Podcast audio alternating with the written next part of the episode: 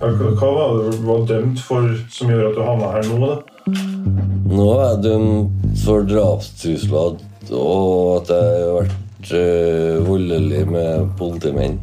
Så spente jeg en politimann i magen, ja. så sprang jeg til dem med baseballbat i fjor sommer. Stopp! Politi! Det der med å jobbe fra sju til tre greier, det har egentlig aldri vært noe greier for, for meg også.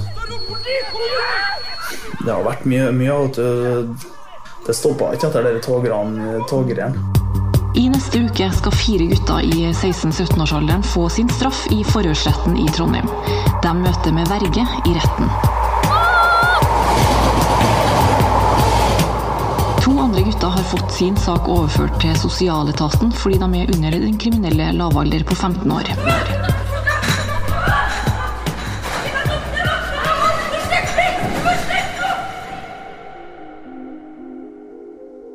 Tror ikke det er mange som har gjort det før oss, eller, eller før er det kanskje, men uh, ikke etter.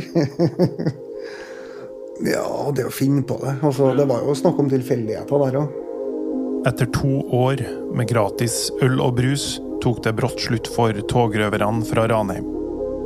Plutselig fikk pøbelskapet og småkriminaliteten konsekvenser. For de fleste var det her deres første møte med politiet. Men for enkelte skulle vise at det ikke var det siste. Så hvordan gikk det egentlig med togrøverne fra Ranheim? For Morten, han med lett motorsykkel og Malboro-frakk, gjengens egen John Wayne, for han ble møtet med politiet en vekker. Jeg husker jo når vi ble dømt, da. Vi var jo oppe i forhørsretten. Og da ble vi dømt for en liten pall hvor de hadde Esedals. Altså tellinga på. Eller, ja. Det var 4700 eller 4800 kroner. Og det ble delt på var det tre eller fire? Det måtte ha delt på tre. For Thomas tror jeg Thomas hadde passert 16, for han var med i retten. Flesteparten av togrøverne var på det tidspunktet her mellom 13 og 15 år gammel, mens Morten, Thomas og et par andre kompiser var nettopp fylt 16 år og var dermed over den kriminelle lavalderen. Vi fikk 1500 kroner i bot. 30 dager betinga, ubetinga på to år. Vi fikk jo omvisning oppå på Tungna, husker jeg blant annet. Hvordan det var være fengselsfugl. Ja, Som en slags forebyggende strategi? Ja.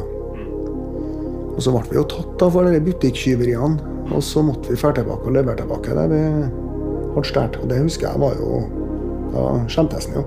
Og den var litt, den var litt hard da, i tillegg.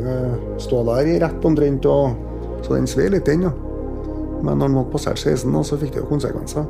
Gjorde det jo. Morten hadde en drøm om å studere ved en prestisjefylt fransk kokkeskole, hvor det bare ble tatt inn fem studenter hvert år. Han hadde kommet inn på skolen, men var svært nervøs for at dommen skulle sette en stopper for drømmen, med tanke på oppholdstillatelse. Men Morten fikk god kontakt med en politibetjent i forebyggende gruppa, som delte hans lidenskap for mat. Ja. Så jeg hadde heldigvis en som jeg kunne ta kontakt med der, da, som hjalp meg, sånn at jeg fikk visum eller kunne være der et år og studere. da. Så det var jo en fin måte. Sånn sett, For min periode da, så var jo toget det siste faenskapen jeg gjorde. Det var det. Ja. Mens Oliver fikk seg nye venner da han begynte på ungdomsskolen. Venner som var en del år eldre, og som drev på med langt verre ting enn å plyndre tog. Det har vært mye, mye det, det stoppa ikke etter de togrenene. Så vi har da Det har vært mye opp igjennom. Jeg, jeg tror du er vel kanskje litt uh, for ung til å huske på det, men når jeg gikk på ungdomsskolen, så var det en heftig runder. Da ble vi arrestert på skolegården i langfriminuttet av uniformerte politifolk. Men uh, da, da, var det bare meg fra Ranheim. Da Da var det mer andre folk uh, fra Skjolotten som jeg får sammen med. Nei, da var det mye, mye greier. Da. Og en hel rekke med ting som hadde blitt eller kommet frem. da. Og Kompisene mine gikk med aviser, så da fikk de jo, visste de jo hvem som var borte, som ikke skulle ha. Så da gjorde de innbrudd til dem igjen i en veldig lang periode. Jeg var aldri med på, dere, på husinnbrudd. Altså. Jeg synes det, det, er liksom sånn mot noen. Da gjør du noen personer noe vondt, på en måte. Det blir, har alltid vært litt feil for meg, det. Alt mulig annet er greit, men når noen får uh, lide personlig, så syns jeg liksom at det ble feil. Også. Altså. Nei, så da var det mye greier, så da var vi jo i avisa hele tida. Ja, da var det masse rettssaker og greier og heftige dommer. Sona, har du sona nå? Nei, aldri. Nei. Aldri. Ja, det, du kan si de ble sendt bort, da. Ja. Ble de. Var jo egentlig for små til å sone sånn.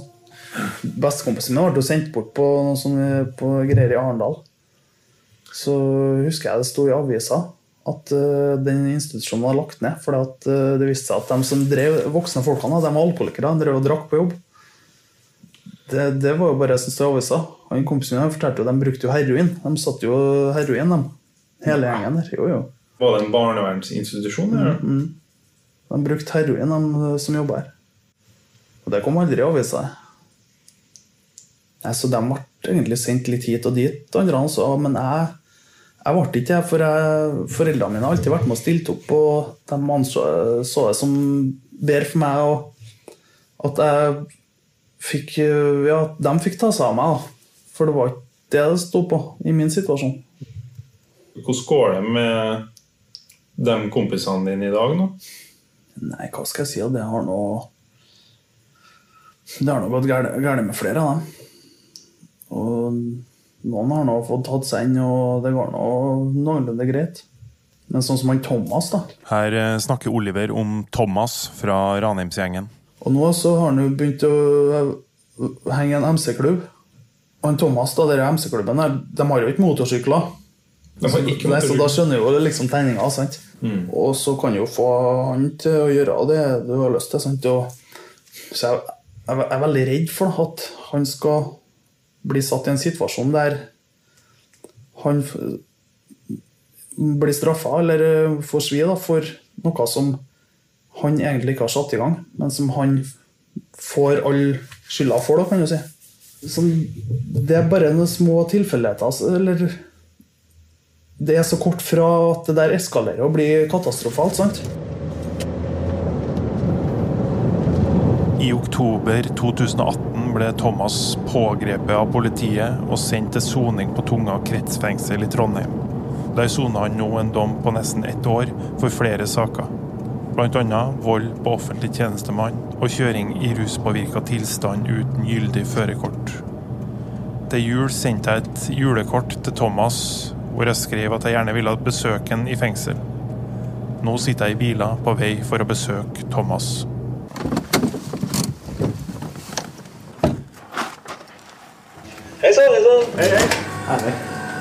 Jeg sluses gjennom sikkerhetskontroller og flere tunge metalldører før jeg kommer inn til besøksrommet der Thomas sitter for å møte meg. Det står formøte går rett for seg. Inn her? Sist jeg møtte Thomas, var han syltynn og i svært dårlig forfatning. Hei! Martin Walter, har jeg prata med på telefonen. Nei, dere prata med Stig på. Hei. Hvor er Thomas nå? Nå sitter han på besøksrommet. Ja. Det er en helt annen Thomas jeg treffer nå. Hei, Thomas! Det sist. Sist, Godt å se deg. Ja, det gjør det. Hvordan er det med deg? Det ser ikke bra ut, da. Jeg syns du ser helt annerledes ut enn i sommer. Det var litt tynnere, kanskje. Da var du veldig tynn. Jeg var 80 kilo da jeg kom inn hit. da. 80 kilo. Og nå 100 akkurat. gått opp 20 kilo på tre måneder. Fire måneder. Fire. Jeg trener fire ganger i uka. Når er du ferdig? 8. april. 8. april. ja. Da er det fulltid. Jeg har full kjør med filmen nå. Er det, det. Det er så bra. Her eh, snakker vi om dokumentarfilmen 'Togrøvere', som skal ha premiere i Trondheim mens Thomas soner dommen sin. Filmen om Ranheimsgjengen, som også var utgangspunktet for denne podkasten, kan du for øvrig nå se på aftenposten.no. Det store målet til Thomas og meg er å få ordna med permisjon, sånn at han kan delta på den store premieren. Det her betyr svært mye for Thomas. Det nærmer seg premiere og sånn. Jeg vet ikke eh, om du har fått snakka noe med dem som jobber her? Nei, Jeg har ikke fått svar ennå. Jeg må søke, vet du. Om å få femtimers perm. Ja. Det har jeg ikke fått svar på. Men så skrev jeg ned nummeret ditt og navnet ditt i den søknaden. I tilfelle de ikke tror meg eller lurer på noe, liksom. ja. Så nevnte jeg ditt navn. Jeg er spent dem på avdelinga. og snakka litt om filmen. Så. Du har det? Ja, ja. Kjenner du noen fra før her, da? ja tre-fire stykker. Kjenner jeg flere på andre avdelinger. Ja. Hva var det du var dømt for som gjorde at du havna her nå, da? Nå er jeg dømt for drapstrusler og at jeg har vært øh, voldelig med politimenn. Så spente jeg en politimann i magen, ja. så sprang jeg etter dem med baseballbat i fjor sommer. her. Det gikk jo Jeg snakka jo med deg i sommer og traff deg her, og du var ganske mager og tynn. Ja. Jeg syns det er bare på et halvår at du ble veldig tynn. Jeg brukte nå mye stoff, da. Gjør nå. Gikk på opiatavtalen. Og så ble han spist lite Dårlig sjølinnsikt, egentlig. Hvor stoff eh, Du sier opiater, men er det heroin? Heroin og Dolcontin og Oxycontin og Valium og alt sånt. Det er sterkt. Det er ikke noe spøke med det. Det er ikke det. Det er ikke bare å kutte ut sånn når du går på heroin og Dolcontin. Du får jo sånne abstinenser at det er skummelt egentlig. Du må ha oppsyn hele tida. Fikk du en oppsyn, når du gjorde Jeg det? gjorde det sjøl, jeg. Men Han havna på sjukehuset og var dødd av abstinensene. Det starta jo med at han røyka hasj da, var 13-14 til ja, hele veien, egentlig, så ble det bare hardere og hardere stoff. Så de siste tre årene før jeg ble 20, så bodde jeg, bodde jo på gata, for jeg hadde jo ikke noen bolig. Men jeg bodde, hadde jo plass å sove hjem til venner og sånn. Men det var venner sånn innen rusmiljøet og sånn. På de eh, tre årene så var jeg død seks ganger. Klinisk død seks ganger. Så ble jeg satt inn her i 2003 til 2004. Og da holdt jeg meg faktisk rusfri i 13 år. Så gikk det sånn gradvis nedover igjen. da. Og bare for å få bort de tankene, så begynte jeg å ruse meg litt igjen. da. Så det har vært et hardt liv. Kroppen har gjennomgått litt. Kroppen har sagt stopp også. Det blir ikke noe mer nå, nei. Det har jeg funnet ut. Så etter jeg kom hit, så har jeg spist og trent og lagt på meg. og Skal fortsette med det når jeg kommer ut. Jeg har planer med om jobb og sånn når jeg kommer ut. og Snakka med Nav og sånn. og Urinprøver to ganger i uka for å holde Og samtaler med tilbakefallsgruppe og sånne ting. da. Fra rusklinikken i Trondheim, så de har vært her og Vi har planlagt litt og forbereda meg på når jeg skal slippe. Hva som skjer og sånne ting. Så jeg bestemmer meg sjøl. Det skal ikke være noe mer rus, nei. Begynner å bli gammel nå. Blir 40 i 26. mars. jeg. Runddag? Ja. Inn her. Ja. Så blir kake. Bare kake og saft. Nei, så alt ser litt lysere ut nå, ja. Enn før. Bestekompisen til Thomas, Oliver, har levd med rusmisbrukere tett innpå seg siden ungdomsskolen. Du gikk videre, ungdomsskolen, og gikk du videregående? da? Ja, ja. Da gikk jeg videregående, og så var jeg lærling og greier. Elektro, ja. Nei, så ja, når jeg var 15-16 år, jeg, da, da Jeg kom jo til et sånt punkt der, da.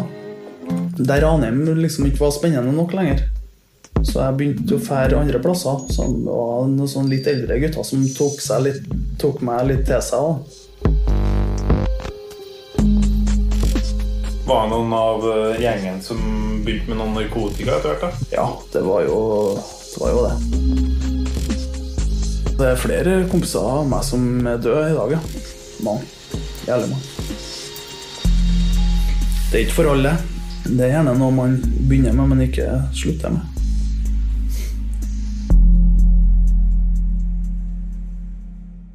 Roy, lillebroren til Thomas, opplevde et vendepunkt i livet sitt da han gikk på ungdomsskolen. Jeg har jo vært gjennom en del, jeg òg. Jeg gikk jo på Charlottenskolen. Jeg gikk jo der halve sjuende bare, før jeg ble kasta igjen. Da banka jeg og knivstakk læreren opp på skolen. Havna på ungdomshjem. Bodde på ungdomshjem i et års tid. Og kom tilbake i niende. Og det var vel i den perioden at hodet mitt begynte å fungere på en annen måte enn, enn det som de gikk i. da. Jeg gikk jo dagskolen da, og hadde jo bare S i alle fag nesten på dagskolen. Og skjønte jo at det går jo an å få til noe hvis du bare vil. Så det er jo sånn det har gått. da. Og så tenkt mine tanker det året jeg bodde på Aunøya, som det heter, på Hitra. Og ble så å si ordentlig. I dag lever Roy et godt og stabilt liv. Han er sjef for eget firma med flere ansatte, og har familie. To sønner som han er veldig stolt av. Sånn som han gamleste han blir konfirmant nå, i mai. Og interessen for bil og motor deler han nå med sønnene sine. Han har jo, han har jo kjørt moped og firhjuling, han òg, men på et lukka område med meg ved siden av seg. Han fikk jo firhjuling når han var fem.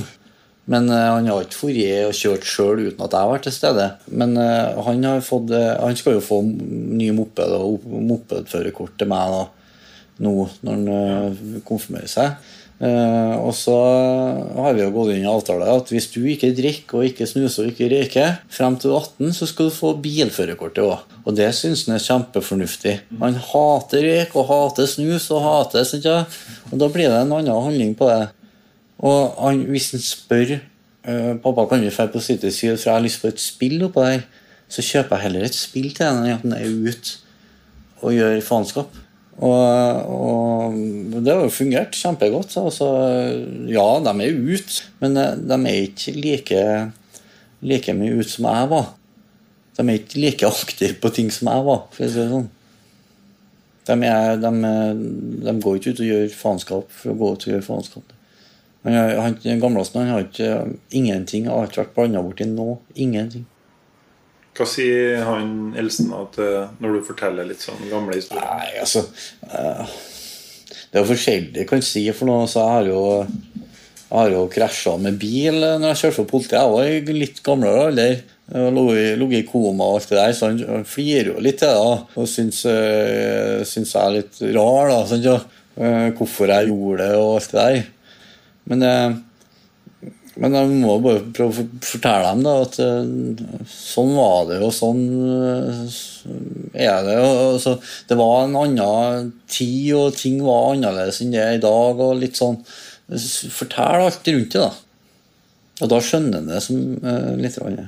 Lå du i koma, så? Ja, eller koma i uke. Traff et tre i 70 km i timen uten seler. Da er det jo flaks at du overlevde. Det var det. Knekt skinnben og kjevebein. Og... Så, sånn er det. Jeg sier jo ikke at han kommer til å bli prikkfri heller, men jeg tror nok at jeg tror ikke han kommer til å bli innblanda i noe som helst. Det tviler jeg sterkt på. Og han er mot alt som har med For han har jo Thomas som onkel og vet at han har brukt stoff og vet hvordan han er. Så jeg tror det Jeg tror, det, jeg tror ikke han blir der, nei. Jeg har det gitt dem den oppdragelsen som jeg ikke har fått, ja, kanskje. Vil jeg tro. Oliver opplevde en stor forandring i livet da han flytta bort fra Trondheim for å studere. Det er jo med livsstilen og ting rundt det sant? med alt sånt der. Skal du forandre på noe, så må du forandre på alt, egentlig. Så flytta jeg ut dit, og det var litt for å komme seg unna her i Trondheim òg, altså. Ting var, gikk da litt for seg. Bodde på et studentkollektiv sammen med fem andre og ja, var bare én av alle. Det var ingen som hadde hørt om meg fra før liksom, når jeg traff dem, og det var kurant, det. Litt vanlig på en måte? Ja, ja. ja, ja. Ble fort sendt her i byen vet du.